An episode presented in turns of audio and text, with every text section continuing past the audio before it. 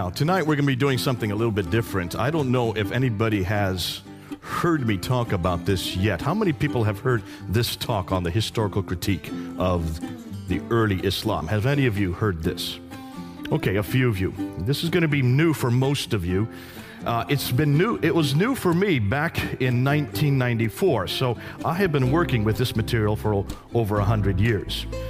Back in 1994, I was studying here at School of Oriental and African Studies. I thought I knew everything about Islam, and I was studying under the tutelage of Dr. Gerald Hawting. Dr. Gerald Hawting was head of department at that time in 1994 at SOAS. And he started introducing some new material that I'd never heard before, some new historical findings that were coming out that not only upset everything I had heard about Islam, but it upset the Muslims in the class as well. There are about 20 Muslims in the class of around 50. And within two weeks, all the Muslims had left except two. Many of them slamming the door as they left. They were so upset with what they were hearing. Now, some of that material I'm going to introduce tonight. You need to hear it. It's important. Because what I'm going to do tonight is what was done about uh, really against our Bible, and legitimately so back in the 1800s when people started asking the same questions about the Bible. Can we look and see whether or not these people called, well, Abraham, for instance, did he actually exist? Is there somebody that is there are there customs that we can look at? Are there things that actually place him in the 19th century or 1900 BC outside of the Bible that support what he said, what he did. The same thing with Moses, the same thing with David. Moses in 1400 BC, David in 1000 BC. And back in the 1800s, when these questions came up, the church wasn't ready for it. We had not really asked these questions, and shame on us for not doing so. And I think every religion that claims to be historical, as almost every religion does, we every religion has historical characters that live in a place doing certain events at a certain time names, dates, places, and events. Those are the four historical questions we should ask of every book, not just the Bible, the Upanishads, the Vedas, the Bhagavad Gita, the Book of Mormon, the Granth Sahib, all of these different books that are claimed to be religious books, and certainly of the Quran. So, what we're going to do today is all these questions that have been asked to the Bible. In fact, it was the Bible that almost every one of these questions were first asked. No, it really didn't exist before the Bible. There was no historical criticism before biblical criticism was created. Historical criticism is biblical criticism, or you might say the other way around. Biblical criticism is historical criticism. Redacted criticism, source criticism, all these literary criticisms were all applied to the Bible first, and now for the, now for the first time we're applying them to Islam. And this is what Gerald Hawting was introducing me back in 1994. So let's do that. Let's unpack it. And we're going to go through and start showing you what we're now finding. Now, what I'm going to say tonight, I may not say in a year from now. The reason why is because it's, there is so much new material coming down the pike. Even when I gave this talk in California in 2013, there is much that I've now improved, the much are many things that are moving on because we're coming across so much material on Islam that we didn't know about even two years ago or three years ago. So let's open it up and let's talk about what we're talking about. Well, let's say the first thing that every Muslim will say is, and they all agree with this, is that Muhammad is the last and greatest prophet. I don't think there's any Muslim that would say any different other than maybe your liberal Muslims. They would also say the Quran was his revelation sent down only to him between 610 and 632. It's the final revelation, it's the greatest revelation, it's the seal of all revelations, like Muhammad is the seal of all prophets. He is the final prophet. Whether you are radical, whether you are nominal, maybe not the liberals. And many of the liberals are starting to question. In fact, many of the liberals here in Britain are starting to ask the questions I'm going to ask tonight. But certainly, 99% of Muslims around the world would all agree that Muhammad is the greatest prophet, the final prophet, and the Quran is the greatest revelation, the final revelation. Therefore, Islam is the final religion based on Muhammad's life and sayings, the Sunnah, and on the Quran's teachings. Remember last week we talked about the whole paradigm that was introduced by Ibn Taymiyyah in the 1300s, that paradigm that suggested and also acclaimed to be a good Muslim, you must go back to the Quran modeled by Muhammad, the book of the man, the book of the man, the book of the man, right? Remember that? I think I said it so many times it almost got plastered on my lips. And you probably walked away thinking that's all I can talk about the book of the man, the book of the man. Because we start from the same paradigm, the book of the man. It's just another book, another man. So, what I want to do today is I want to look at the man. Let's look at that man. Next week, we're going to look at the book. I'm going to start with the man. I'm going to start with Muhammad. I'm going to start with his biography. And then next week, we're going to unpack the Quran, which gets even better. All right? To do that, let's see, of course, why am I doing that? Is because these are the foundations of Islam. It is the Quran that is the book, it is Muhammad that is the man. So let's investigate both Muhammad and the Quran. Now, what's the classical account? This is the account that you've all heard. This is what you're taught in every school. This is still what is being taught in every university. It's still being taught in most every corner of the world. This is the classical account that you've only, and this is one you'll agree with. You've never heard any other story. You've all been told that Muhammad was born in 570. Has anybody heard any different? No. There's no reason not to hear any different because that's all that we've ever heard. We also have been told that in 610, he was going up, he went away from Mecca, he went to the Hira cave, which he would go there quite often to meditate.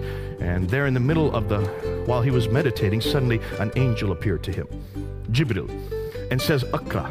That means recite. His response was, Ma'akra. I cannot recite because he could not read or write.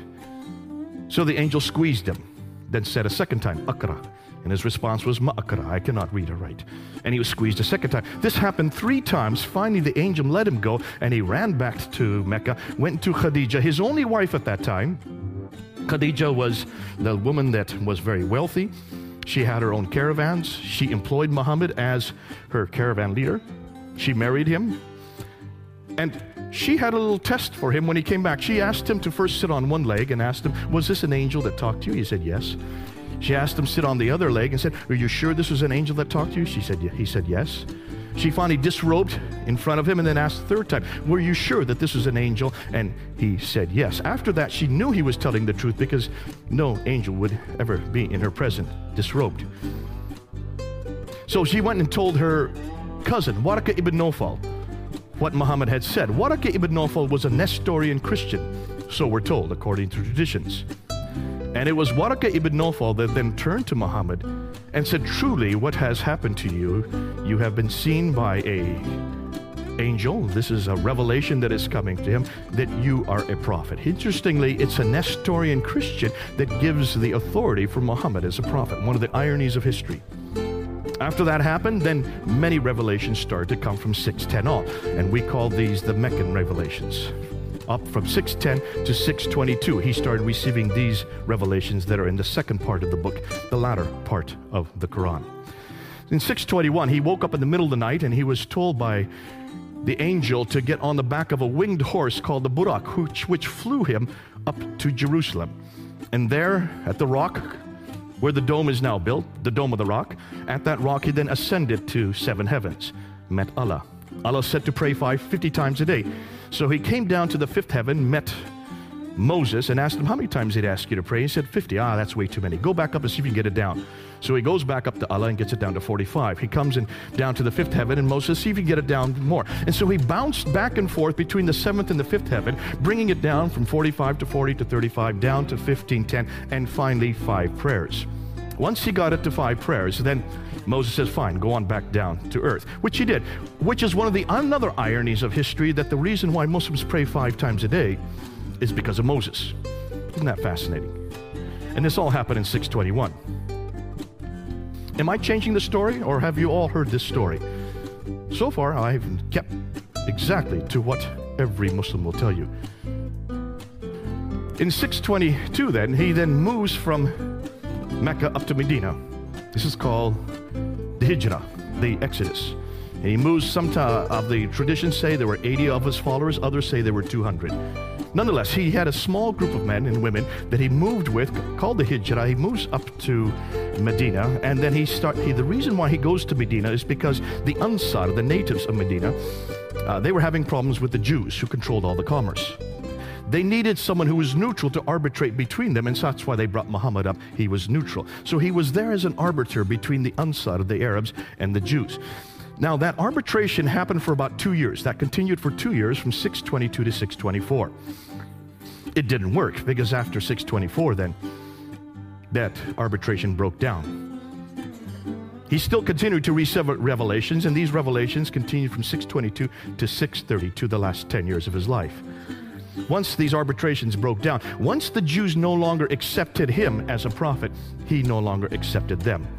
And that's where the problems began between Muhammad and the Jews. And we talked about that last week, so I don't need to go through that. You know what I'm talking about. In 630, then, he goes from Medina and he just walks right into Mecca and takes it over.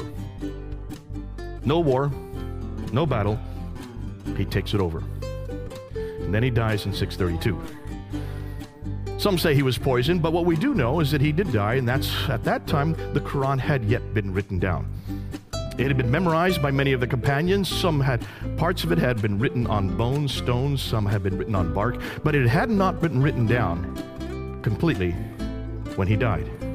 After he died, Abu Bakr takes over. Abu Bakr rules from 632 to 644. 634, he dies normally. Then Umar takes over and he goes and rules from 634 to 644 the next 10 years. He then is killed. He, Uthman takes over and he then rules from 644 to 656. It's during his ruling, the third caliph, his ruling, that the Quran was written down. We're going to talk more about that next week because that's problematic. 650 to 652 is when the Quran was finally written down, roughly 18 to 20 years after Muhammad's death. This is what the classical account says. This is what I've been taught. This is what you've been taught. This is the only story you're going to hear. And then uh, Uthman is killed, and Ali, the adopted son of Muhammad, then takes over, and he is considered to be the legitimate heir because he is adopted by Muhammad. Muhammad didn't have any heirs. He had two sons, but they died in childbirth. He had four daughters, but they could not be his heirs. And that's why Ali had to be his heir. Ali then takes over, and then he is killed at the Battle of Siffin in 661. Now, that is the story you've all heard. Have any of you heard any other story? No, I don't hear and see any hands. For a very good reason. There is no other narrative. That's the only narrative we're given. There you can see now where this is all happening. It's all happening in this red area here, from the birth of Muhammad in 570 up until the death of Muhammad in 632. Everything that took place during Muhammad's life is in that red area. Now, when should that have been written down? You would like to think it was written down, all this, everything I've just told you, should have been written down while Muhammad was still living or immediately afterwards, right? You would like to think so. Would make sense because we're not talking about a time when people could not read or write. People could read or write.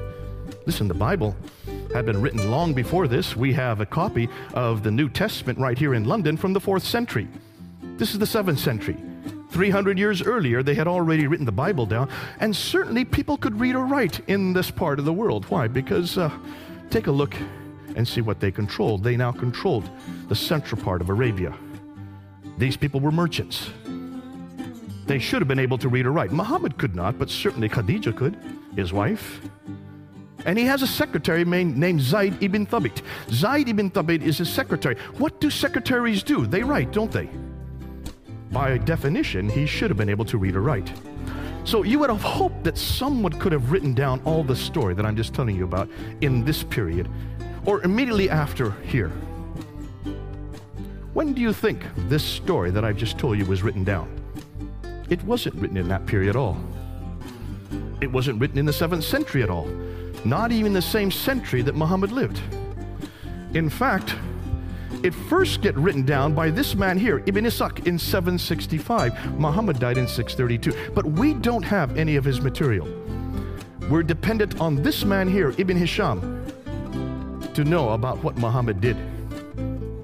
We have nothing before Ibn Hisham. And look at the date when he died. 833. 632 Muhammad dies. We have no biography of Muhammad until 833. That's 200 years later. Here you can just put it all, put this is my own little timeline that I put in my own hand. So basically what we're saying is everything we know about Muhammad, about what he did, doesn't get written down till over here, 200 years later. What about his sayings? Al Bukhari is the one that first writes down his sayings. Al Bukhari is given 600,000 akhbars, 600,000 of these sayings, and he's to, to throw out those that were fraudulent. So he whittles them down, right down to 7,397. From 600,000, he whittles them down to 7,397. That's just 2%. He throws out 98% and only retains 2%. And when was that done? In 833. That's 240 years later. How did Al Bukhari know what to retain? How did Al Bukhari know what to throw out? Did he know Muhammad? No, he didn't. He lived 240 years later. Did he live in that area? No, he didn't. He lived hundreds of miles away and hundreds of years later. So, why did it take them 240 years to write down what Muhammad said? What about the tafsir, which would be the commentaries on the Quran, which is what Muslims must need to, in order to know how to interpret the Quran? You have many, many tafsir. You have Al-Tab. In fact, Al-Tabari is the first to write down a tafsir. Take a look at his date. 923. That's the 10th century. 300 years later, because Muhammad died in 632. It takes him 300 years to write the first commentaries on the Quran down and the histories, the Tarikh, which are all the histories of mankind leading up to Muhammad, they're first written down by Al Tabari in 923. Again, the 10th century. Now, there are many that write after Al Tabari. There's Baidawi, Zamakhshari, Suyuti. The name goes, names go on and on, but they all come after 923. Nothing before 923.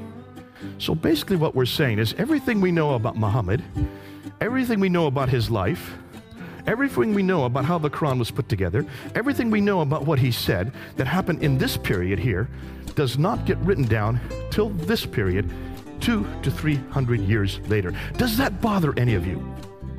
Please say yes. It should bother all of you. Why? Well, can you imagine if we were to apply the same criteria to Jesus? Now, when did Jesus die? We know he died in about 33 AD. Did people write down what he did? Yes, they did. Almost immediately, didn't they? You have Matthew, Mark, Luke, and John, who wrote down the biography of Jesus. That would be the Sirah of Jesus, the Siratu of Yesu or Issa. So you have the biographies written down. We know that Matthew, Mark, and Luke were written by between 48 and 64 AD. So within 30 to 40 years, you already have three biographies of Jesus. John would have been written later. That's about 60 years later. But two of those biographers actually knew Jesus. John and Matthew lived with him for three years. They saw everything he did, they heard everything he said. So they wrote down what they saw and they wrote down what they heard. We don't just have one biography, we have four biographies. Two of them written by eyewitnesses, and the other two who got them from the eyewitnesses. 40 to 60 years after Christ's death. What about the tafsir of Jesus? That would be the commentaries. Well, the tafsir of Jesus would be the letters of Paul. He was the one that actually commented on what Jesus did. What Jesus did, he showed how to apply what Jesus did in Ephesus, in Philippi, in Corinth. Those are the commentaries on Jesus' life. And Paul was beginning to write down within 15 years of Jesus' death. Not 300 years, but within 15 years, Paul was writing down these tafsir of Jesus. Do you see the parallels? What about the Tarikh, the histories of the early church? The book of Acts, written by Luke.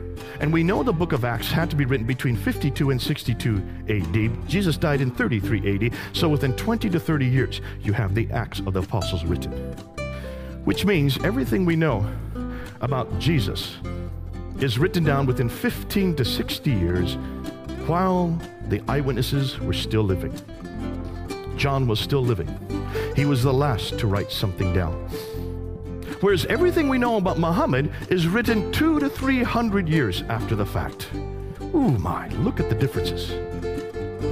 If we were dependent on what we know of Jesus concerning what Muslims are dependent on, that means, let me just go back. That means we would not know anything about Jesus until the third century. How could we defend him? How could we even know what he did or said if nothing began to appear until the third century? That's why I love my Bible. And that's why I love the person of Jesus Christ. That's why I can trust what I know about him because they were written down so early. And you might say, hold on a minute, the first century, that's so early. Could people read or write? Listen, these were fishermen. How did they know how to read or write? Well, Matthew wasn't a fisherman. He knew how to read or write. And John used a scribe to write for him. Luke certainly was a doctor. He knew how to read or write. And Mark knew how to read and write. Of course, they knew how to read and write. And Paul, goodness sakes, he was one of the most intelligent men of his day. Of course, he knew how to read and write. So, why could not the Muslims? Where were their Pauls, Luke's, John's, and Paul's? Sorry, I just said Paul. Matthew's and Mark's. Where are their readers and writers? Why could they not do the same thing in the 7th century or the 8th century? Why do we have to wait to the 9th century to have anything written down? Can you see why now historians are starting to look at the Quran, are starting to look at Islam, are starting to look at Muhammad with a completely new eye? And this is what they're asking Islam as we know it did not exist in the 7th century, but evolved over a period of two to three hundred years. The Quran probably was not revealed to one man in a 22 year period like the classical count says, but likely evolved over a period of 50 to 100 years. We're going to deal with that one next week. Let's talk about the first one. Did not exist in the 7th century, but evolved over the period of two to 300 years. The conclusion they're coming to is the history of Islam, at least from the time of the Caliph Abdul Malik, and we're going to talk about more, more later tonight, and before, is a later fabrication. Now, that's a huge amount to say. And you're probably, if, if there's any Muslims in the audience, they would get very angry with me for saying that. But let me just show you what we're doing and what we're saying. Here's the questions. This is their concerns. If so much of the history of early Islam was written down so late, why did it take so long to write it down? Were these people illiterate? I hear that all the time whenever I ask my Muslim friends this. They were illiterate. I said, hold on a minute. No, they weren't illiterate. By 642, within 10 years of Muhammad's death, Basra, Baghdad, Damascus, Jerusalem, and Cairo were controlled by Islam, or at least by Arabs. Those are huge cities. These had lots of libraries. They could read and write for hundreds of years, thousands of years in these cities. Please don't say no one knew how to read and write in those cities. By 685, by the time Abdul Malik comes to power, all of North Africa, all the way from Spain in the west, in the other direction, all the way to India in the east, that whole swath of land was under their control. Are you telling me that from Spain to India, nobody could read or write?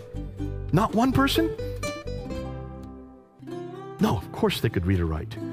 In fact, they tell me, we're going to find out next week, that the Quran was written down by Zayd ibn Thabit in 632 to 634. Within two years of Muhammad's death, the Quran was first written down by a man named Zayd ibn Thabit, who was the scribe of Muhammad, the secretary of Muhammad.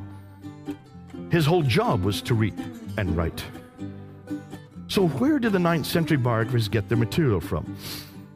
And since we don't have anything before the 9th century, can we trust it? since it's so late. Shouldn't we go back to the period these events took place? Shouldn't we go back to the 7th century and see what we find? And that's, as a historian, is what we need to do. Let's go back and see what we can find in the 7th century. And that's what now a whole slew of historians have begun to do, especially here in Britain. This is coming out of Europe more so than America. And this is why I heard nothing about this when I was in America. I only started hearing this in 1994.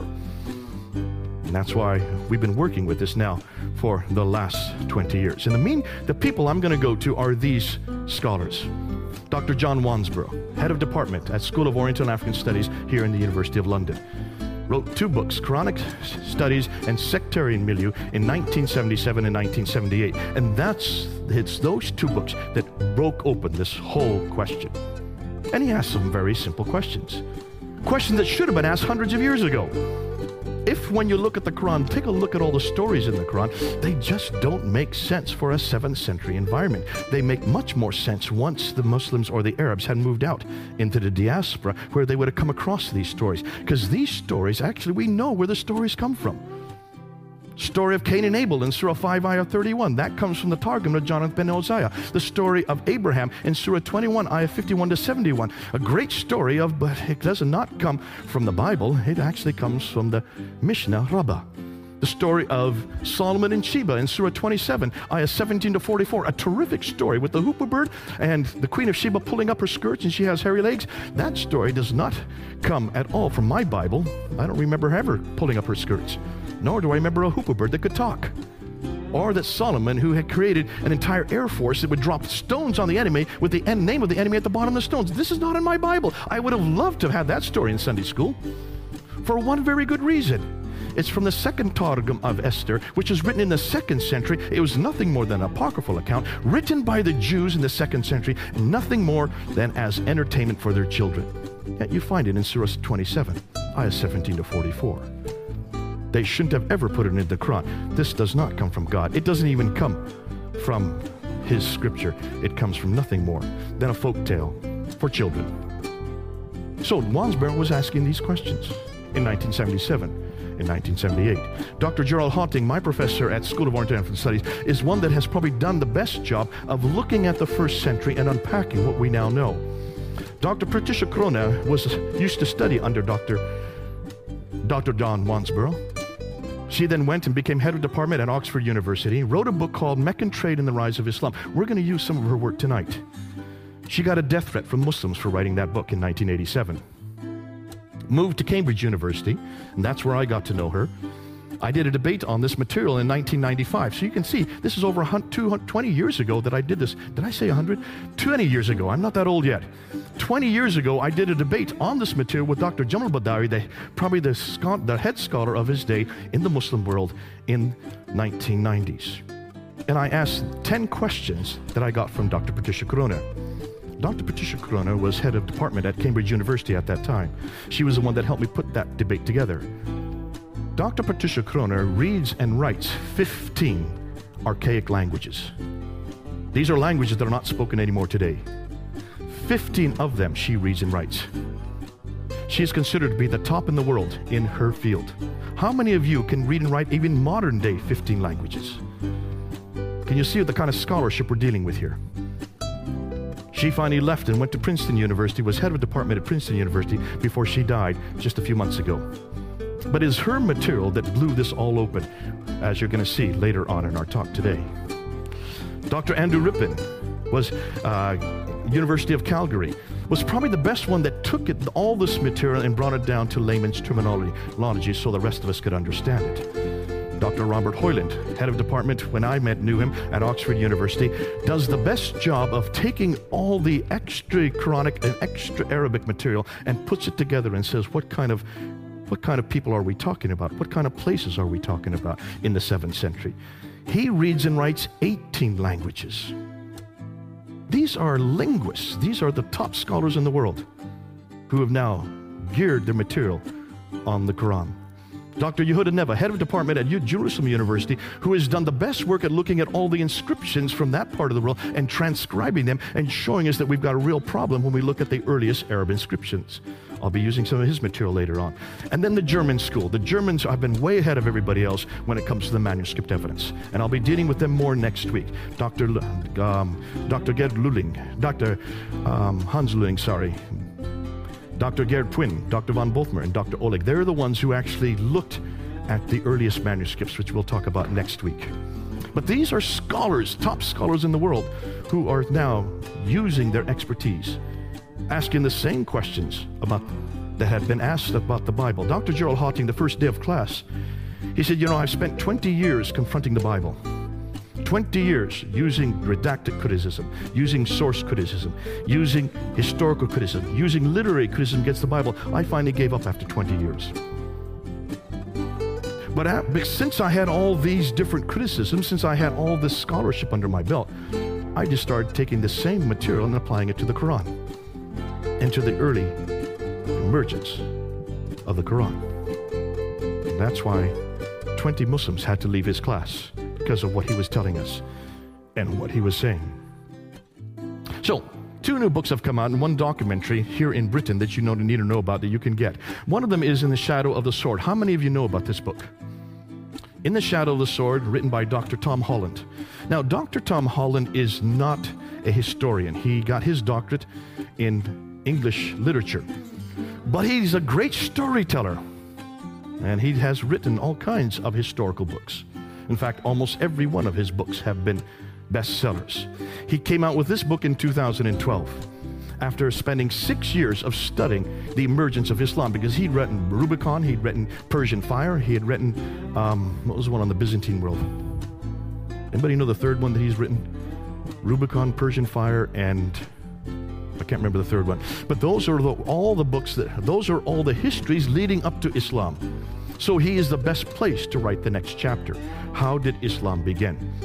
And he went to all these different scholars, Crone, Hawting, Hoyland, went to Puin, many of the German scholars, and he just asked them for their material. Then he took the material and put it into a book that we could read. That book came out in 2012, asking the historical questions that should have been asked by Muslims throughout the centuries. Looked at the sources, the Islamic sources, and pointed to Quranic incongruities. Then he wrote, then he did a documentary called Islam the Untold Story. Have any of you seen that documentary? Did you see it when it first came out? It did come out except once. It was only shown once on Channel 4 in August 28, 2012 at 9 p.m. It was not permitted to be shown a second time. Channel 4 would not show it a second time because of all the furore from the Muslims here in Britain. You can still go up online. You can get it on YouTube. I have it on my computer if anybody wants it. It's only 90 minutes long. And what he did, he took much of the material from In the Shadow of the Sword and put it together into a 90 minute broadcast. But he did not come to conclusions. He was very careful not to come to conclusions. And he did not, ever, he did not touch the Quran. He did not want to touch the Quran. You'll see why next week. And then probably the best material that's come out is by this man, Dr. Dan Gibson, who wrote Quranic Geography. You can get it online. He's now putting it together into a movie. Quranic Geography came out, I think it was in 2011. And what he did is he started to look and see how Islam actually began. Dan Gibson is an archaeologist. His father is an archaeologist. His grandfather was an archaeologist. He lived amongst the Bedouins there in the Middle East for 20 years, learned their language, and then tried to go around trying to find out where all the geographical locations in the Quran were there in the Middle East. We're going to talk about him a little later because some of his material is absolutely earth shattering. This is what they're finding. I'm just going to introduce this to you and then we're going to come back to it. What they found is this the first Arab inscription referencing Muhammad is not till 691. Muhammad died in 632. Isn't that interesting? There's no Arab reference to Muhammad earlier than 691. That's 60 years after he died. The first reference to Muslim, the word Muslim, is not till the 690s.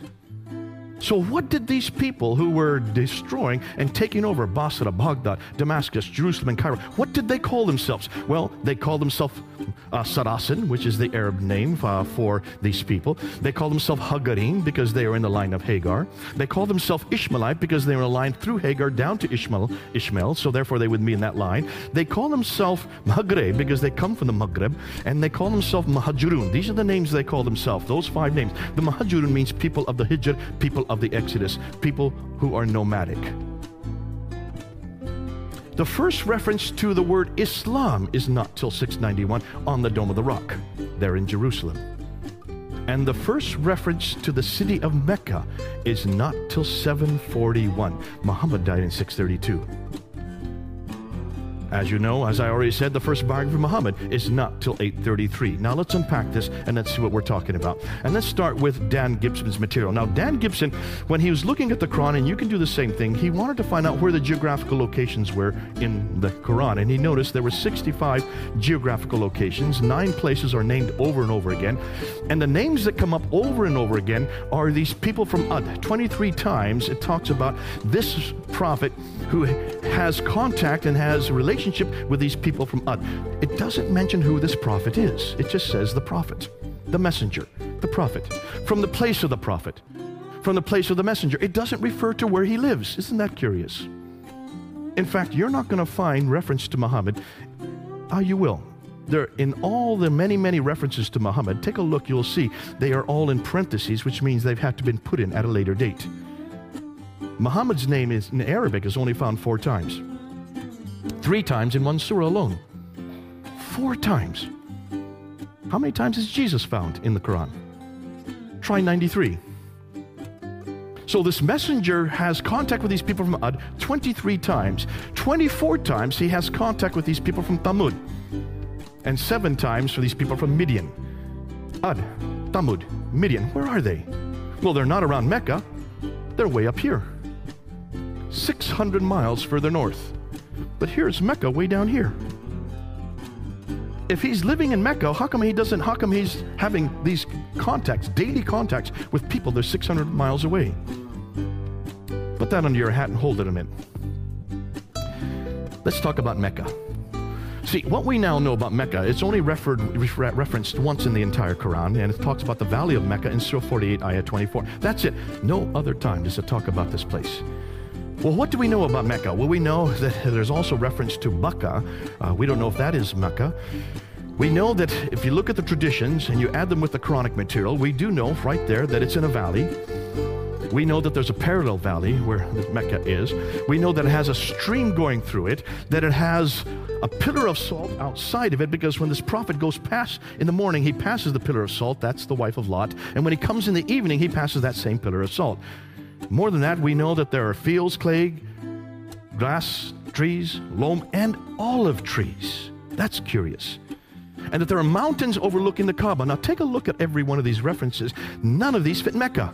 Mecca is not in a valley. There is no parallel valley. There is no stream going through it. It only has one well, the Zamzam well. It could not have accommodated any caravans. It does not have tree, fields, glass, gla- uh, clay, glass, or any suggestion of any olive trees because olive trees only exist in the Mediterranean, 600 miles further north.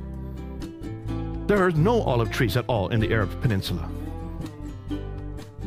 So, all of these geographical references make no sense for Mecca. Now, according to Islam, Mecca is probably the oldest city in the world because according to Surah 7 ayah 24 when Adam and Eve when they were up in the garden of Eden which is up in space when they were thrown out of that garden they were thrown down to earth. According to the traditions it was Mecca that they were thrown down to. So it would be the earliest sanctuary for all of mankind. We also know in Surah 21 that Abraham is in Mecca. He is there and he goes into the Kaaba and he destroys the idols that's in Surah 21. So in 1900 BC, Mecca should have existed if Abraham's there, right? We also know from all the traditions that Mecca was the center of trade north, south, east, and west. That's why it became rich. That's why Muhammad was there. He was a trader. So, it's the mother of all settlements, according to Surah 692, Surah 42, Ayah 5. Adam and Eve came from there. Abraham came from there. Muhammad was born there. And it's also where the Qibla, the Qibla, the direction of prayer, every mosque should be facing Mecca. Correct? From 624 on, it should be the case because we do know, according to Surah 2, I 145 to 149, that Muhammad, when he moved to Medina in 622, he redirected the Qibla back up to Jerusalem so that it could accommodate the Jews. After 624, the Jews would not accept him as a prophet, so suddenly he gets a new revelation in Surah 2 to redirect the Qibla back down to Mecca. So from 624 on, every mosque should be facing Mecca, right? You getting that? Because there were no mosques before, before 624. He hadn't yet left Medina and Mecca. Yet we can only find one reference to Mecca in the Quran. That's in Surah 48, Ayah 24. Now, take a look at this Byzantine map of the trade route from the 7th century. What's missing? Can you find Mecca? This is a copy of a Byzantine map from the 7th century. Mecca isn't, isn't there. This is where Mecca should be, right here. It's not on the map. Here's a map of trade routes from the 7th century. These are Arab trade routes. These are not Byzantine uh, trade routes. These are Arab trade routes. Where's Mecca? It's right where that question mark should be. When we look at the earliest maps, we can't find Mecca on any of the maps. This is the map that Patricia Crone looked at, and this is the one that got her curious. She, she was shown this map. This is a map that's not from the 7th century. It's a map that was made today in the 20th century, redacted back to the 7th century to show you what the, the, the place looked like. And when she looked at this map, she noticed that all the trade would have come from here in India and China further away. They, they couldn't go that way because of the Hindu Kush and the Himalayas. So all the trade used to come across the Arabian Sea over here into the Persian Gulf and used to go that direction up to the Mediterranean world. Are you following me there? The problem was, is that the Sassanids who were here were warring against the Byzantines who were there. So they were warring back and forth for 200 years from the 5th, 6th, and 7th century. So that shut down the trade from going up the Persian Gulf. They had to redirect the trade from India across the Arabian Sea down to here in Aden. And that's where they took off all the trade. They took it off the boat there, and they went 1,250 miles, following that green line all the way up to Gaza in the north. That's a pretty good theory. That's called the trade route theory. Montgomery Watt was the one that came up with that theory. The Muslims love it, and they grabbed onto it, and they're still using it today. Dr. Patricia Crone looked at this map. She says, Hold on a minute, you've got a problem there. Let's see if any of you can find that problem. My 10 year old son found it within two minutes. I'm not going to give you two minutes. Can any of you see a problem with that theory right there by looking at that map? No? No one's going to try? Should I give you a hint? Water. That's a pretty big hint. Go ahead, sir.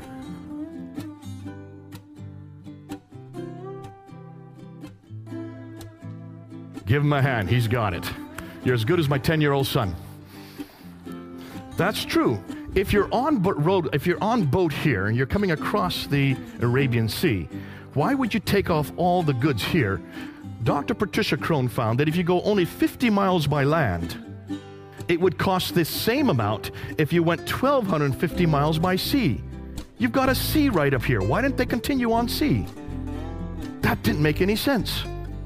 So she decided to go back and check this out. Now remember, she reads and writes 15 languages. So she went back to the original sources of all the trade documents.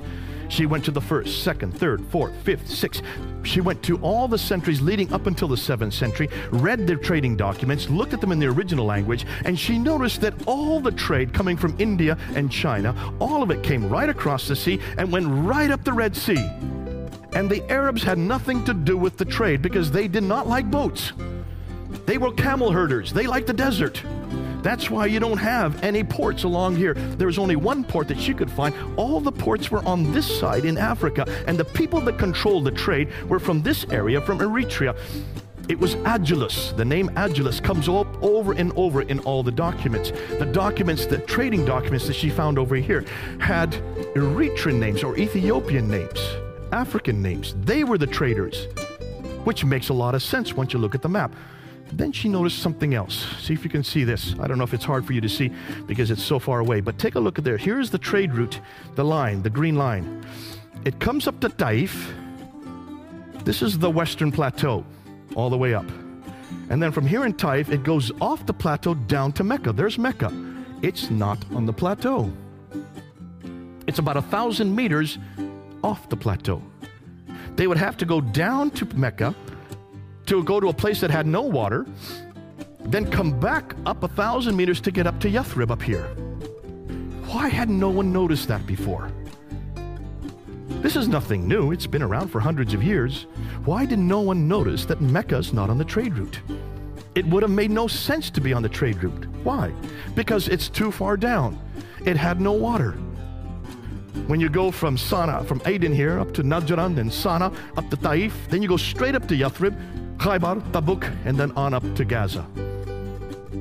Why had no one noticed this before? So she decided to look and see what was it that made Mecca, if it had anything that made it rich. She was told, according to the trade route theory, that it had 15 spices. And that's why it became rich. So she wrote her book and she decided to do study, research on all 15 spices. If you read her book, Meccan Trade and the Rise of Islam, she takes a spice per chapter, or a chapter per spice. And she found that none of the spices, except for two, even came from Arabia. They either came from India and China, or they came from Africa. The only two spices that came from Arabia were frank, frankincense and myrrh. And they came from the southern part, the Hadramaut, this part here, which is Yemen and Oman today. Nothing about any spice from this part of the world. The only trade she could find that were going up the western plateau was milk and leather. You cannot create an entire empire made out of milk and leather. Now, when she came out with this book, it blew open everything we knew about Mecca. She decided, well, let's find out what people knew about Mecca. So she went to every document she could find. She found documents written here in Ctesiphon, which is way up here. That is Baghdad, right up there. It's called Ctesiphon. That's the old name. They had come down here to Yathrib to find, and they came across silver. They had silver mines all over Yathrib. That's not too far from Mecca. Yathrib is what is Medina today. She looked at their documents, no reference to any place called Mecca. She couldn't find any reference from the first century, from the second century, from the third, fourth, fifth, sixth century, from the seventh century, no reference to Mecca. So when did she find Mecca? Not till 741. 741. Muhammad died in 632. She couldn't find any reference to Mecca earlier than 741. That's a whole over a hundred years later. So, what is this city? Where is this place that Adam and Eve were sent down to? Where is this Kaaba that uh, supposedly Abraham rebuilt with Ishmael? In fact, she found out, not just she, Hitti found this out, in almost every one of those oases in Najran, in Sana, in Taif, in Yathrib, in Tabuk, in Khaybar. All of these oases had Kaabas. It was quite normal to have a Kaaba. You have a Kaaba with gods in it, idols in it. Then when the merchants would come along, they would go and pray to their idol and you would get money for it. It was a great way to enrich yourself. There wasn't just one Kaaba. There were many, many Kaabas. Why hadn't anybody noticed this before? Well, take a look at modern Mecca today. Maybe you've seen this picture. Look what they're doing to Mecca. They now have the third tallest building in the world in Mecca. This big clock tower. That clock tower now, that face is 45 feet across. It's the largest clock in the world. Has four faces. It's the third highest building in the world. That was made by the Germans. They now they modeled it after Big Ben. That's Big Ben there. They have the same model. Why? Because they want to make Mecca the center of time.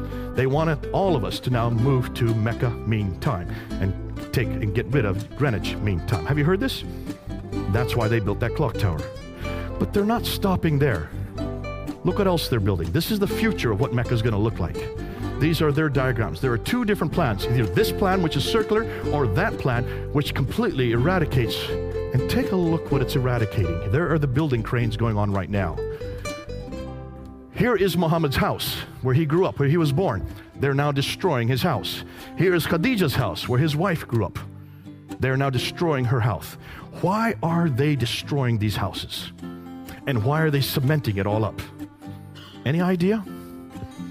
Because they've heard what we're finding. They now know that there is no historicity for Mecca. So, what better way to destroy the evidence than to cement it up? Folks, can you see what's happening as we speak? Muslims all over the world are upset.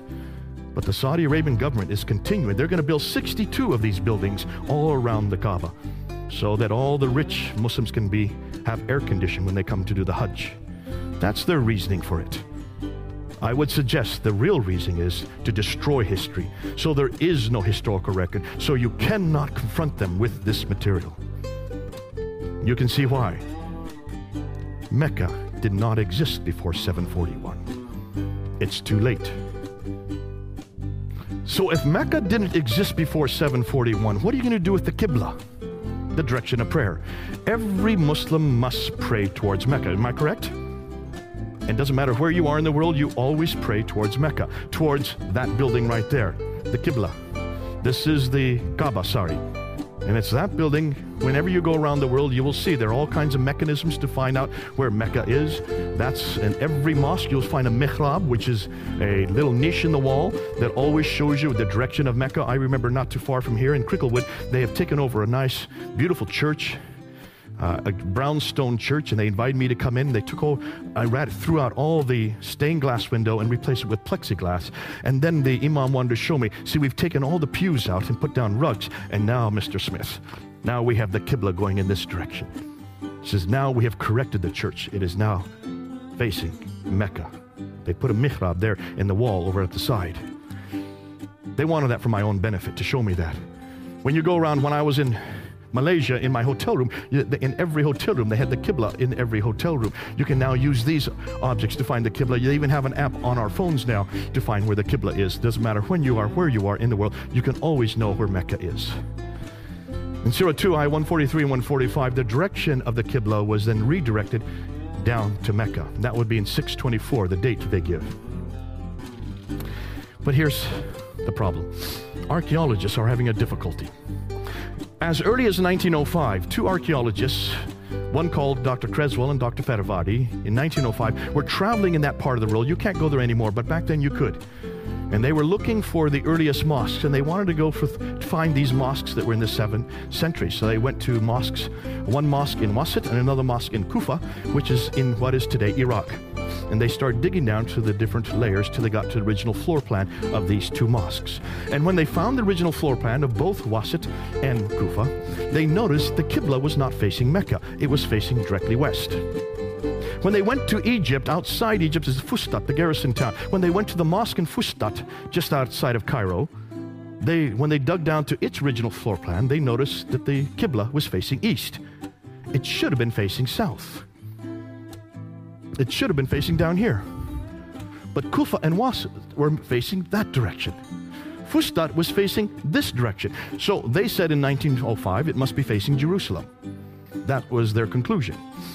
And when I first found out about this back in 1994, even my professor, Dr. Hawting, when he brought this up, I raised my hand and says, Well, what's your conclusion? He says, I don't want to come to any conclusion. I've already lost enough Muslims here for my class. I said, You've got to come to conclusions if the earliest mosques that we've been able to find are facing west and east and not south, then it looks like we have a different Qibla. He would not, in class, say anymore. But you can see immediately, if you look at the map, there's a problem here, isn't there? Now, Jacob of Edessa in 705 also said that the Qiblas. So from all this it is clear that it is not to the south that the Jews in the Maghreb, Maghreb is the name for the Arabs at that time, in the regions of Syria prayed, but towards Jerusalem. He thought it was Jerusalem as well. He was actually wrong. Dr. Dan Gibson decided to pick up this argument. He had read about it, he'd heard about the debate I had had on it. He also knew about that this was a problem. He saw also that there was a problem, so he decided to do something that no one else had done. He decided to look at all the earliest mosques, but you can't go to the earliest mosques today and see where the Qibla is because they are all facing Mecca. Every mosque is facing Mecca, anywhere in the world. So he decided to use satellite technology to look down from space to look and see where the original floor plans for all these mosques were. And guess what he found? I wanted to mention the three books that, um, that Tom Holland had written. It's Rubicon, it's Persian Fire, and Millennium. That's the one I had forgotten. Millennium. So those three are all bestsellers, and those are the ones that gave him the platform to then go on and do in the shadow of the sword, because they all talk about the Roman world, the Byzantine world, and the Persian world, all of which ceased to exist in the seventh century. What took over? Islam took over, so he was the best qualified. Let's go back now to Dan Gibson and let's talk about what he found. Remember, he goes and he wants to find out where all of these mosques were facing, using satellite technology looking down on each of the mosques. This is what he found. When he looked at the great mosque in Guangzhou in China in 630, it's facing Petra, not Mecca. When he looked at the great Humayma Mosque, southwestern Jordan, the Qibla is facing Petra. It should be facing Mecca. The older mosque that was rebuilt then, he noticed there, the floor plan, finally was. The newer mosque, sorry. The great mosque at Baalbek in Lebanon, it's facing Petra. It should be facing Mecca. When he went to the great mosque of Sana'a in Yemen, the capital city of Yemen, right at the very bottom of the peninsula, built in 705. Now look at the date. All the Qiblas were supposed to be canonized in 624. So every mosque after 624 should be facing Mecca. But here's one built in 705, and it's facing Petra, not Mecca. This is an interesting one. This is in Jerusalem. Now you have the Dome of the Rock right here. That's the beautiful Dome of the Rock. Here you have the Al-Aqsa Mosque here. The Dome of the Rock is built in 691. The Al-Aqsa Mosque is built in 709. Look at the entire citadel, including both the Dome of the Rock and the Al-Aqsa, are all facing Petra. 691, 709. The entire citadel is facing Petra, the third most holy shrine in Islam. The Damascus Mosque, built in 709, it's facing Petra. It should be facing Mecca. The Anjar Mosque in Lebanon, look at the date, 714. It's facing Petra. It should be facing Mecca. The Mosque of Umar in Basra, now we're in Syria, 720. We're almost 100 years later. If the Qibla uh, had its canonization in uh, 624. This is 720. Almost 100 years later, it's still facing Petra, not Mecca. It's not till 727 that they finally found a mosque in Pakistan, Banbhore in Pakistan, facing Mecca instead of Petra. This is over a 100 years later. But then in 728, here you find a Qibla in the Qasr al-Hayr al Sharqi in Syria, it's not facing Petra or Mecca. Looks like they're a little confused on this one. Now, here's what's interesting. Take a look at this mosque from Amman in Jordan. This is the older mosque built in 700. It's facing Petra. They then rebuilt another mosque behind it and above it in 740. It now is facing Mecca the right way. So, what happened between 700 and 740? That's the question we need to ask. The Mushta, Mushata Mosque in Amman. Now we're in 743. It's back to Petra again. This is 120 years later. The Rabat. Now, when we get to North Africa, they don't seem to know where to face. Because in Tunisia, here's a fortress in Susa, Tunisia. In 770, it's not facing Petra or Mecca, it's facing directly south. They're a little confused in North Africa. The same way in Spain. Take a look at Spain. There's Petra, there's Mecca, it's facing quickly south. Obviously, there's something that we need to find out about North Africa and Spain as to why they're completely mis- miscued. The great mosque in Kairouan in Tunisia in 870. Now we're into the 9th century. See, these are much later mosques. In the 9th century, there seems to be some type of confusion here because they're, they're not facing Petra or Mecca, it's facing straight south again, much like you found uh, in, uh, in other North Africa. But take a look at these were up until 724, 725, excuse me. Up until 725, every Qibla was facing Petra. And what's interesting is they were all uniformly facing Petra. I've heard Muslims try to say, well, they didn't know their direction at that time. Listen, these were camel herders. They went through the deserts. There were no roads in the deserts. And even the paths they used to take would be covered over by a sandstorm. So, how did they know where to go? They used the stars. They were brilliant at knowing direction. Otherwise, they would have died. You can't tell me they did not know where Petra was or where Mecca was. The fact that they're all facing Petra until 725 shows me. So, from 622 to 725, every mosque he looked at was uniformly 100% facing Petra. Between 725 and 822, there seems to be a confusion. There seems to be something going on. We need, don't know what it is yet. But there was still backers and forings, especially in North Africa. They didn't know where to go. So 12% of the mosques were fa- facing Petra, 50% started now to face Mecca, 38 were parallel or in other directions. And it isn't till 822 that every mosque begins to face Mecca. That's 200 years later. It takes them 200 years to get every mosque facing Mecca.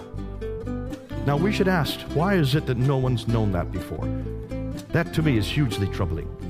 So why Petra? Well, take a look where Petra is. Remember that Arab trade route? I showed you where Petra, it's in the center of all the trade. See, Mecca's not even on the trade route map for one very good reason. There was no trade that went through Mecca. But Petra is on the center of every route. What is Petra known for? How many people have been to Petra? Has anybody been there? Okay, one man, two. What do you notice about Petra? It has tombs and temples. It was a center of the Nabatean kingdom.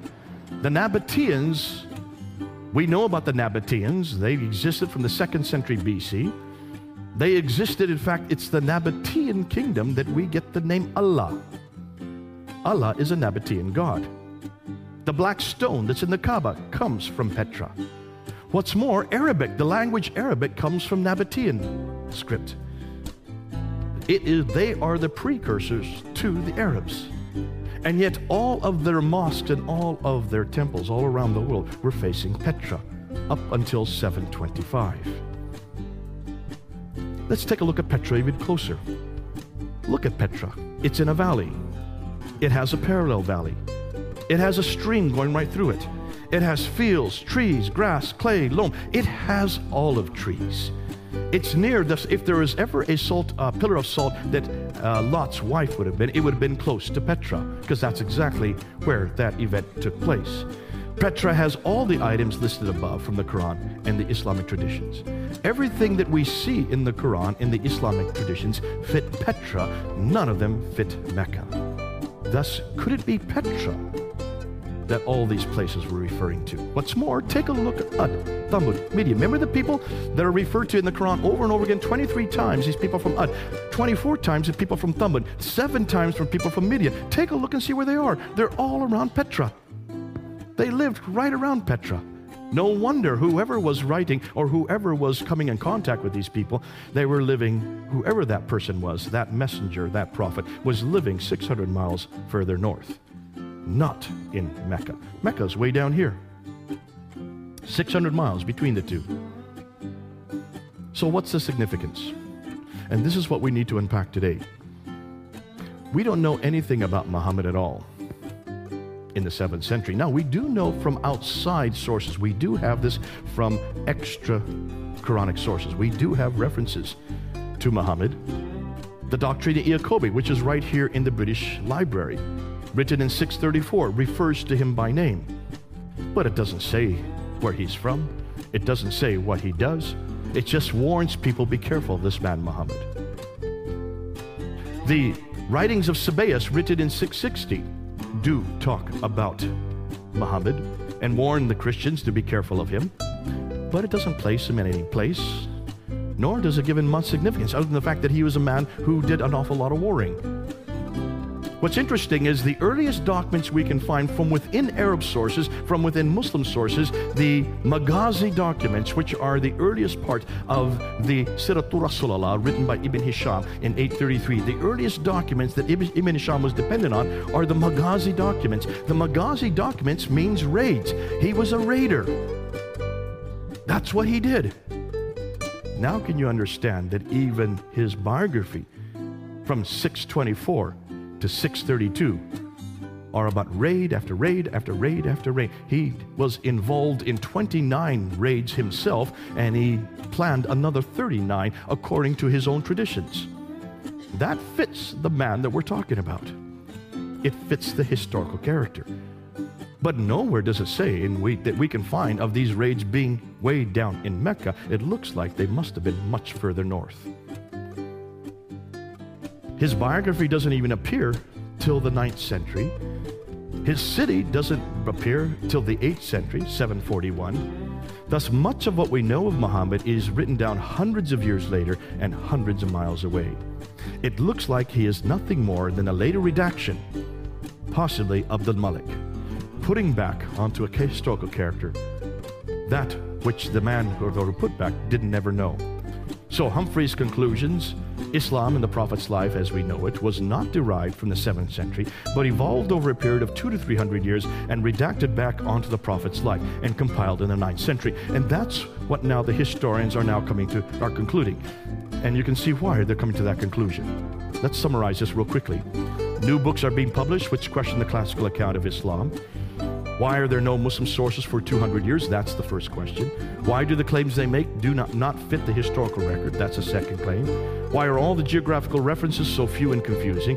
And why do they all seem to be uh, much further north, not where they should be? Why are there so many references to vegetation which would not exist in Mecca? Why is Mecca not even mentioned until 741? And why can we not find any map with Mecca on it until 900 AD? Muhammad died in 632. Takes them almost 300 years to put Mecca on a map. Why is Mecca not on the trade route? So these are all the questions we're asking now. So why do the Qiblas face Petra for the first hundred years, then are confused for the next hundred years, and are not standardized to Mecca until 822, nearly 200 years too late? Therefore, much of what we know about early Islam is in doubt. So, here's the million dollar question What really happened? Now, I have to be careful because this is what I think. I may change tomorrow. I may have a complete different scenario in one year because we're now getting lots of material that's coming in. But this is where I think, this is what I believe. This is just me. This is what I think happened looking at everything that we've got so far. And this is what I, this is a what if scenario, okay? To make sense of all this, I think we need to go back to Abdul Malik. And this is what they, it's not just me saying this, this is what almost all the historians are saying. You need to start with Abdul Malik, who ruled Islam from 685 to 705. He was the second caliph amongst the Marwanid caliphs. Marwan came into power in 680. Before that was Sufyan family from 661 up until 680. So for the first 20 years of the Umayyad Caliphate, it was a Sufyani family. Marwan finally takes over. Marwan's son, Abdul Malik, is the great Arab reformer. He is known as the great Arab reformer. You can see the Arabs control that part of the world. Therefore, by the time he comes to power, they had controlled that part from 642. So for 40 years, they had now controlled that part of the world, the central part, the area where Jerusalem is, where Damascus is, where also Petra is, also where Mecca and Medina would be. For 40 years, however, they could, did not control it. They were the member. They were nothing more than nomads. These nomads that went and took over the Sassanid Empire and then took over the Byzantine Empire. Remember that map I showed you? Remember, those two empires were much more sophisticated. They were empires that had huge cities. The nomadic Arabs did not have big cities. They were nomads. They just had little oases. Therefore, they didn't know how to run cities. That's the first question we should have been asking. Take a look at Islam. Look at how sophisticated it is. Look at all its rules and regulations, all these sharia, these four laws of fiqh. They all would fit in an urban environment, not a nomadic environment. Why haven't we asked this question from the very beginning? How could a nomadic people have such sophisticated rules and regulations dealing with so huge metropolitan areas? Unless, of course, these rules and regulations come much later. So what did the nomads do? Well, let me go back, and I should have had this map in here. Remember that map that we have of the Sassanid Empire? They had two garrisons, they had two groups, the Lakhmids and the Ghassanids, that they would pay to keep the Arabs in the desert. The Ghassanids were paid by the Byzantines, and the Lakhmids were paid by the, the Sassanians, the Persians. And as long as they got paid, these groups kept the nomads in the desert. But after 200 years of warring with each other, the Sassanids against the Byzantines, they ran out of money. This is well known. Once they ran out of money, they no longer played the Ghassanids, they no longer played the Lakhmids. And so, therefore, the, the nomadic Arabs could just move right into these empires. And they did. This is well known. This happens all the time. The Mongols did it much later. The Visigoths did it in Europe. Barbarians who come into much more sophisticated environments. What happens when barbarians take over sophisticated environments? They don't know how to run cities. The Arabs didn't know how to run any of these cities. So what did they do? They stayed outside the cities. They built garrison towns. But someone had to run these cities. Who would they have chosen? Well, they chose people like them people who also came from Abraham, but not through Ishmael, through Isaac. Cousins, Jews and Christians, who did know how to live in cities, and they were also very literate, and they were also very academic. That's why they used the Jews and Christians to run the cities for them, because they were cousins of Abraham, people of the book, Ali Kitab. What's more, these people because they were so close to them, then took on a status called Maoli or Moali. This is well known that they took on like an indentured status. They could not actually be Muslims unless they converted, but there was no such idea of Muslim at this time. There was no name people called Muslim. There was no religion called Islam. We don't have those references until 690. So for 40 years, these Arabs were dependent on the Jews and Christians to run everything for them. Now, what happens after 40 years? You can see the problem. By the time Abdul Malik comes to power, he realizes that there is no Arab identity. He needed an Arab identity. You want to create your own identity. It's very clear that the Arabs did not have a prophet.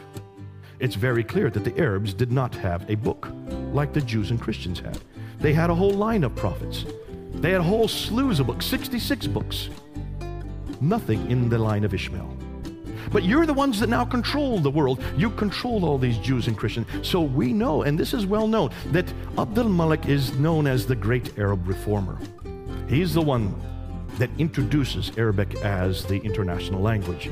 He is the one that introduces this Arab identity. This is well known. We can see that because when you look at Abdul Malik, take a look at the coins, and they're right here in the British Museum. Look at the coins. So the coins that the Byzantines had were the emperor with two retainers on either side, and then they would have an orb with the Byzantine cross. On the back side is the Byzantine cross.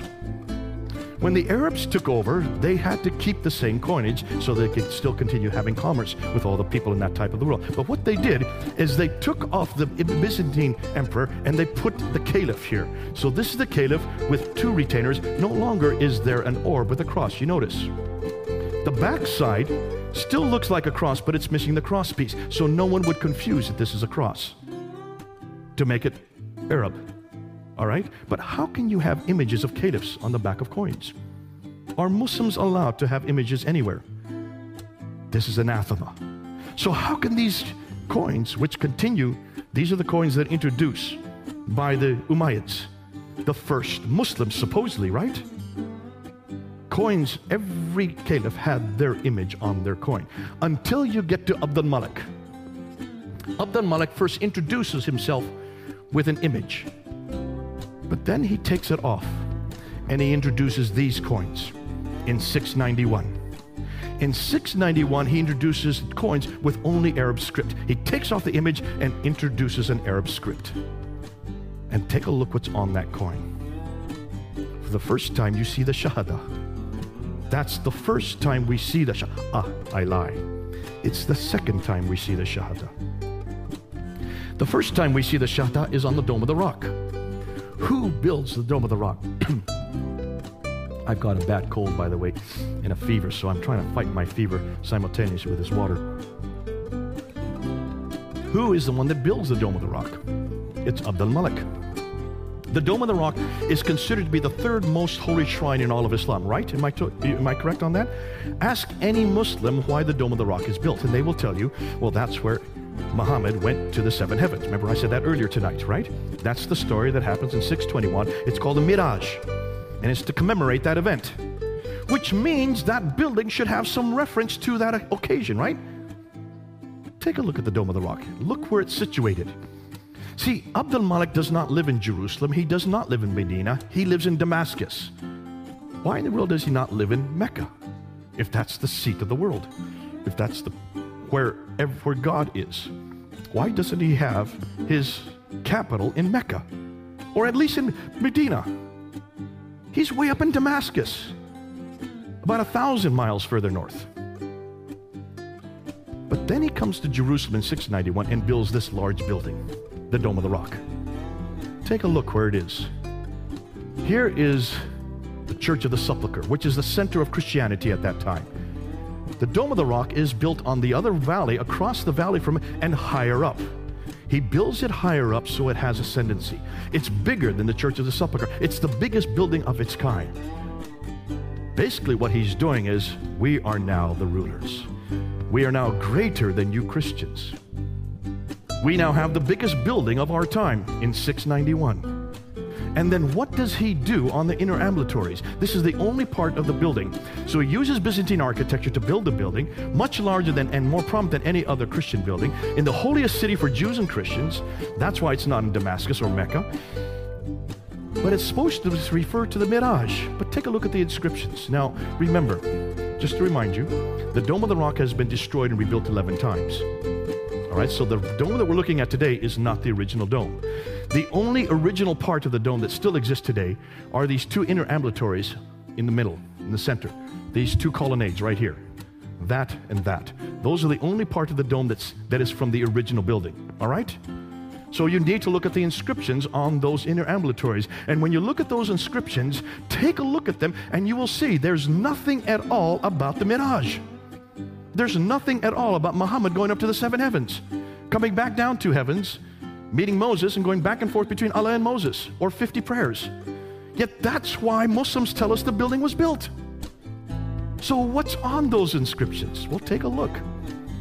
Surah 1112. There is no God but God. He is one. He has no associate. Who's that against? Jesus. Say, He is God, the one, God, the eternal beside of all. He beget, begetteth not, nor was begotten. Who is that against? Jesus, the begotten Son. And there is none comparable unto him. Muhammad is the messenger of God. Here you see Muhammad's name introduced. This is the first time Muhammad's name is introduced on any Arab inscription or architecture. This is the beginning of the introduction of Muhammad, and it's on the Dome of the Rock. In contradistinction to who? To Jesus. Surah 4, Ayah 171. O people of the scripture, do not exaggerate in your religion, nor utter aught concerning Allah save the truth. The Messiah, Jesus, son of Mary, was only a messenger of Allah See, it even confronts the fact that Jesus is nothing more than a messenger. His word which he conveyed unto Mary, and his spirit from. So believe in Allah and his messenger. Say not three. There's the Trinity. It's attacking the Trinity. Cease. It is better for you. Allah is only one God. Far is it removed from his transcendent majesty that he should have a son. So it's attacking Jesus' divinity, it's attacking the Trinity, and it's attacking his sonship, all in one verse. Surah 4, Ayah 171. This is an attack against Jesus. From the very beginning that we now know, the earliest inscriptions are confronting our Lord Jesus Christ. Praise be to God, who hath not taken unto himself a son, and who hath no partner. There it again, attacking against the son of, son of Jesus and his supposed partnership with God. Nor hath he any protecting friend through dependence. He's not dependent on anybody, and certainly not Jesus. Now, why is it no one's noticed this before? If you want to find out why Abdul Malik built that building and why he made it higher than the uh, Church of the Sepulchre and across the valley on the highest point of Jerusalem, just look at the inscriptions. He's now introducing his own prophet, greater than Jesus. His name is Muhammad. He is the messenger of God. So if you're going to create an identity, you've got to have your own prophet. Because so far they've been dependent on all the Jews and Christian prophets. That's why 19 of the prophets that are listed in the Quran all come through Isaac. Where is the prophet that comes through Ishmael? Only Ishmael's name is there. They need a prophet to create that identity. They build a building, they introduce his name, and then they put it on the coins. The coins are coined the next day. I'm sorry, the next year. Significance? He is the one that introduces this identity, beginning with the Dome of the Rock in 691. It's larger than any other non Arab structure. It's facing the Arab sanctuary, Petra. It incorporates inscriptions against Byzantine Christianity. It introduces their faith. This is the first time we see the name Islam on the Dome of the Rock. It introduces their people. This is the first time we see reference to Muslims.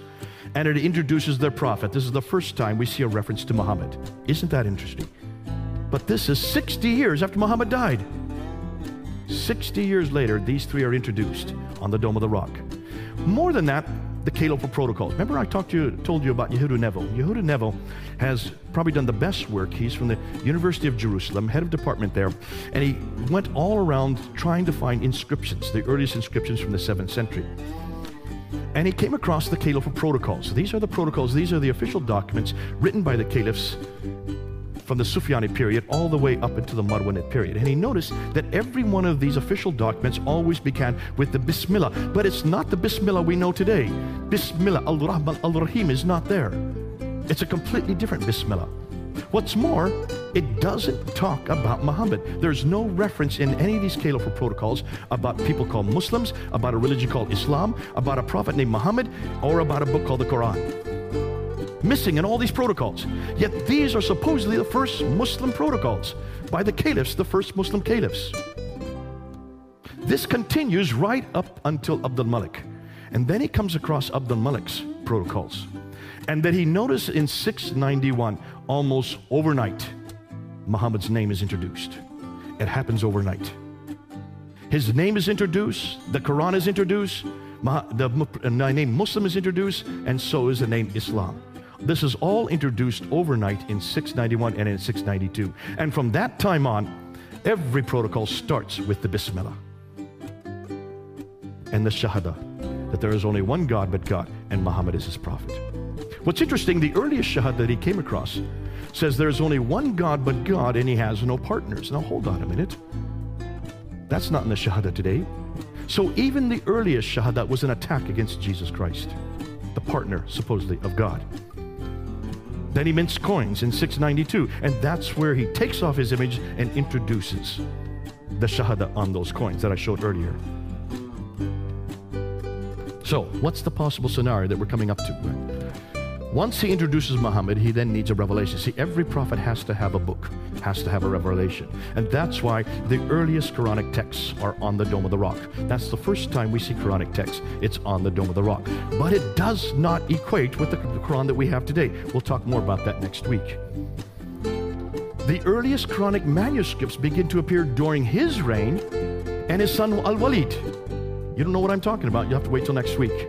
We're going to show you the dates of the earliest manuscripts next week. None of them are complete, nor do they parallel today's Quran completely. They continue to be changed and corrected up until the 9th century. Now, this is all new to you. You have to come back next week and we'll show you what we're talking about. The sanctuary Petra is then destroyed in an earthquake in 713. What happens whenever a sanctuary is destroyed? Well, as the people know, whenever their sanctuary is destroyed, that means God no longer, God no longer has favor with that sanctuary. You've got to change your sanctuary. Because this is God's way of saying, this no longer is my sanctuary. Because earthquakes always come from God back then. So where are you going to change it to? Well, you're going to go back to where the Marwanids came from. The Marwanid family comes from the Hijaz, from Central Arabia. So they then bring it down and they introduce it in Mecca. That's why Mecca was chosen. But see, Mecca doesn't make sense. Let me tell you why. Take a look at Mecca today. What do they do in Mecca? Well, they go around that Kaaba seven times. Well, who does that? Where does the number seven come from? It comes from the Bible, right? Then they run back and forth between two pillars, the Marwa and the Safa hills. What's that got to do with God? Why do they run back and forth? Muslims will tell you that's because that is that was Hagar who had Ishmael. She was looking for water. She went back and forth, back and forth. She didn't find any water. So why celebrate something that doesn't make any sense? She never succeeded in anything. Why celebrate it? Then they go outside and they do a sacrifice. They come back to the, the where the jamarats are.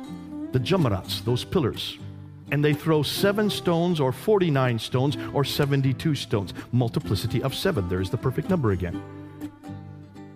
Ask any Muslim why they throw those stones. And they'll tell you because that's the devil. But there are three of them. There's not three devils. So where do these three come from? Ooh, I love that. I, I think we know where they come from. Alat, Al-Manat, and Al-Uzza in Surah 53, ayah 19 and 20. These are the goddesses. These are the goddesses of Alat and Allah. See, Allah is a Nabatean name. Alat is the feminine form of Allah. The Nabateans believed in Allah as their God. The wife of Allah is Alat. So Allah has a wife and a daughter named Almanat. Ooh, I love this. But every Muslim tells me that Allah is one. Surah 4, Ayah 171 that I just read to you is God is one, say not three, and God has no son. Surah 6, Ayah 101 and Ayah 102 says that God has no wife, right? Well, he doesn't may not, may not have a son, but he certainly has a wife. Her name's Alat. And he has a daughter. Her name's Almanat. You've got the wrong God. It looks like these may be, possibly, I can't prove it yet, these may be the Jamarats, may be the three goddesses, the Nabatean goddesses that they're throwing there. Because this is the reason to get rid of idolatry, you then throw the stones. What's interesting is they don't have any theological significance. So, where did they come from? It looks like Mecca was a pagan, probably a Nabatean pagan shrine that they took over, kept the practices that were still there, and tried to infuse some theological meaning. But it doesn't make sense when you look and see who God is and what He has done historically. So they chose Mecca. Now that the Muslims have a prophet, Muhammad, and they have a revelation, the Quran, they've got to put together the Quran. Ooh, wait till next week. Wait till you show you what we have found. Now they got a revelation and a prophet, they need a sanctuary, so they choose Mecca. Now that they have the three ingredients, they now need to have a history. You've got to create a history. You've got to put Muhammad in his own place. You've got to put him in his own milieu. Now, can you see why it took them for another hundred years to finally get that together? And that's why Ibn Hisham was given 600,000 of these Akhbar. I believe that's probably true. He was given 600,000. Of all these supposed different histories, he threw out 98% of it and only retained 2% of it. And that's what we have Al Bukhari take. He is the first one to write down the sayings of this prophet. Take a look at Al Bukhari. There is contradiction after contradiction, and they do not make sense, and they contradict the Quran. We won't even get into that tonight. So now you got the Sirah with Ibn Hisham, then you need the, I'm sorry, the Sirah is Ibn Hisham, then you need the sayings, the Hadith, and that's with Al Bukhari. That comes in 870. By the time they get the Sirah in 833 and the Hadith in 870, they also need to have rules and regulations. Take a look when all four schools start to appear the Hanafi school, the Maliki school, the Shafi school, the Hanbali school. They all begin to appear in 820 and later. Nothing before 820. That's the ninth century. 200 years later and hundreds of miles away. Why? Because now the laws have to be created. And that's why they borrowed right, left, and center from Roman law and also from Sassanid law, Persian law. And then once you get that, then you've got to make sense of the Quran. By that time, the Quran is formed, but it is full of contradictions. Just take a look at the Quran, borrowing from many different sources. If you borrow, you've got to make sense of it. That's why the tafsir had to be created. And the tafsir do not start to begin to appear until the 10th century, 300 years later. By the 9th century, they now have the book, the man, the place, and the story. All four. But that's two to 300 years too late and a new religion is formed and growing. Yet this did not happen a mere 22 years, but evolved, it looks like, between two to 300 years. Now can you see why the historians are coming to their conclusions? That's some of what we've just now found. New books are being published which question the classical account of Islam's beginning, asking questions such as why are there no Muslim sources for 200 years? In a time and place that they should have had sources. There's no way to say, there's no reason for them not to have these sources. Remember, they owned these major cities Basra, Baghdad, Damascus, Jerusalem, and Cairo. And except for Jerusalem, they still control those cities. And everything they wrote on was on parchment because they were rulers. They were not poor and oppressed like the Christians. The Christians did not have access to parchment in the first century. They were poor. They could only use papyrus. Papyrus disintegrates within 100 years. Every one of these scripts were written on parchment during the Islamic caliphal period because the caliphs ruled all the world. They had plenty of money to make these documents. Why are the geographical references so few and confusing? Why do they all seem to be much further north? Why are there so many references to vegetation which wouldn't exist in Mecca? Why is Mecca not even mentioned until 741 nor included on any map until 900? Why is Mecca not even on the international trade route? Why do all the Qiblas face Petra for the first hundred years, then are confused the next hundred and aren't standardized to Mecca until 822, 200 years too late? What is Abdul Malik's role in all of this? Does a nascent Islam really begin with him? And I would suggest it all begins with Abdul Malik. We're going to prove that next week, and you'll see why. So, what about Muhammad? Since much of what we know about early Islam is now in doubt, since much of the Quran is also in doubt, we'll see that next week, since nothing is known of Muhammad until the late 7th century, or Mecca until the 8th century, or his history until the 9th century, hundreds of years later and hundreds of miles away, can we conclude that Islam is nothing more than a later redaction possibly begun by Abdul Malik, then continued on by his descendants Al Walid, and others, proving Muhammad had nothing to do with the Quran. So, who is he and what is his purpose? They've got the wrong man at the wrong place doing the wrong thing at the wrong time. What about Jesus? We know where Jesus was born. That's pretty clear in Bethlehem. We know where Jesus grew up in Nazareth. We know where he died in Jerusalem. We know what he did for the last, especially for the last three years. We know from eyewitness accounts, Matthew and John. We know from hostile accounts. Look at Thallus, Tacitus, and Josephus. They are the ones that tell us about the crucifixion. They are the ones that give us his name. Thallus and Phlegon were debating about the crucifixion in 52 AD. These were Greek historians. These were not Christians. And they mentioned that when Jesus died, 20 years earlier, because 52 AD is just 20 years after the crucifixion, within 20 years they were debating the fact that when he died, the sun went dark and the earth shook. That's a Greek historians. Tacitus, who had nothing good to say about Christianity, he hated Christians.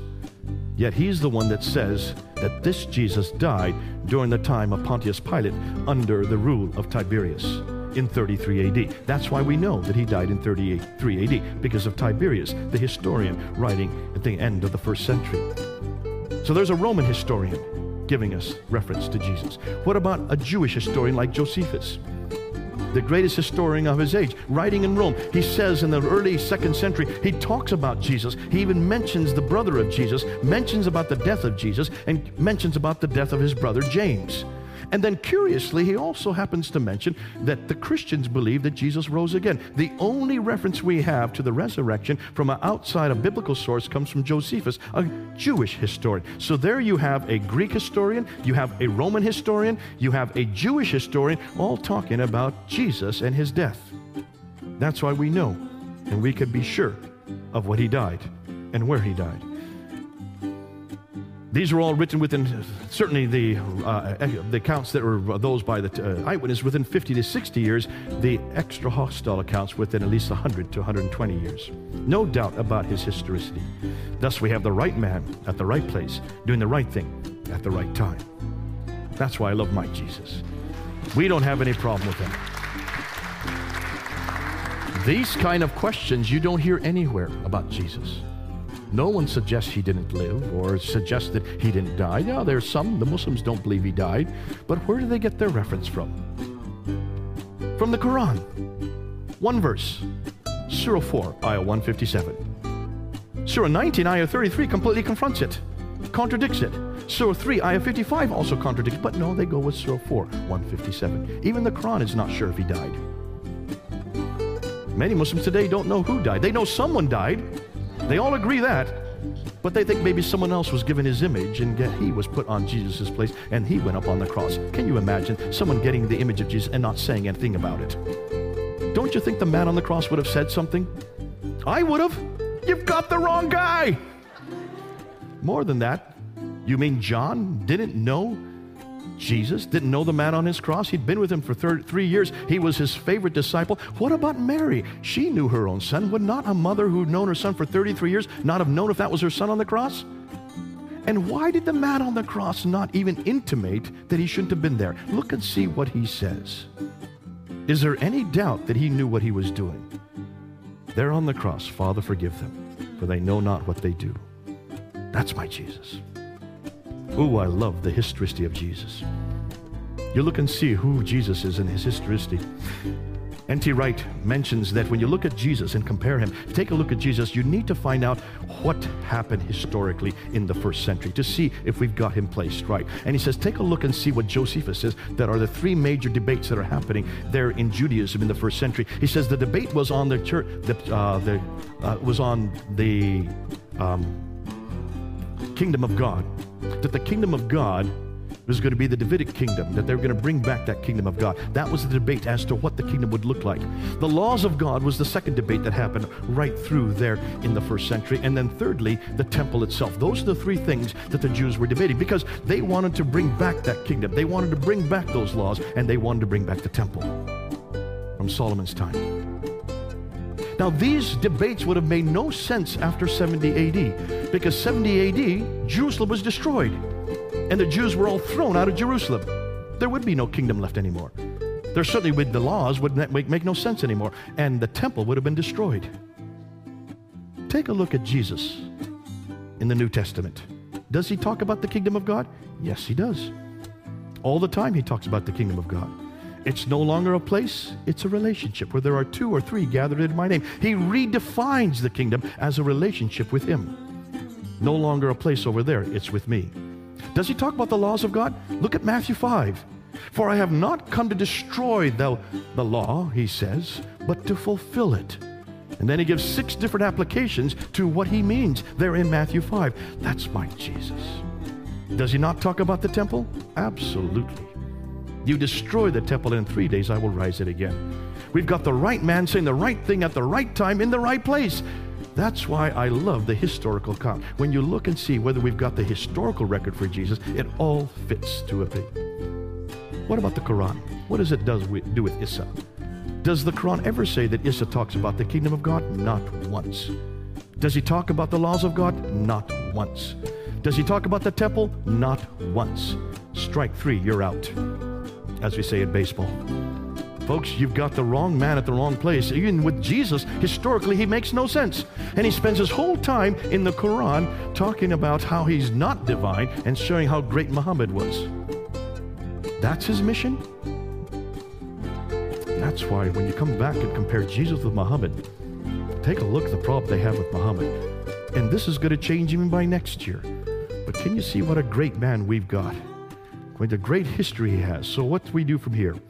Well, the historians have set the stage, we move it on. The questions they ask, we now research and expand. We must confront Islam's historical foundations. We must challenge Muhammad and the Quran. We must demand the same of our Bible and Jesus Christ. We must bring both into the public sphere and then let people come to their own conclusions. Why? Because similar historical questions have already been asked of Christianity, and every one of them has been answered. We need to bring our friends home, folks. Not to Muhammad, but back to Jesus. Not to the Quran, but back to the Bible. Not to Islam, but back to Christianity. Do you all agree?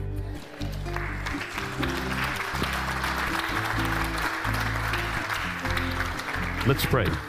Let's pray. Our Heavenly Father, we want to thank you for this evening because what we have done here, Lord, is to take that which is neutral, that which we don't own. We're looking at artifacts, we're looking at buildings, we're looking at timelines, we're looking at all the historical evidence that anybody can look at, and we're coming to conclusions.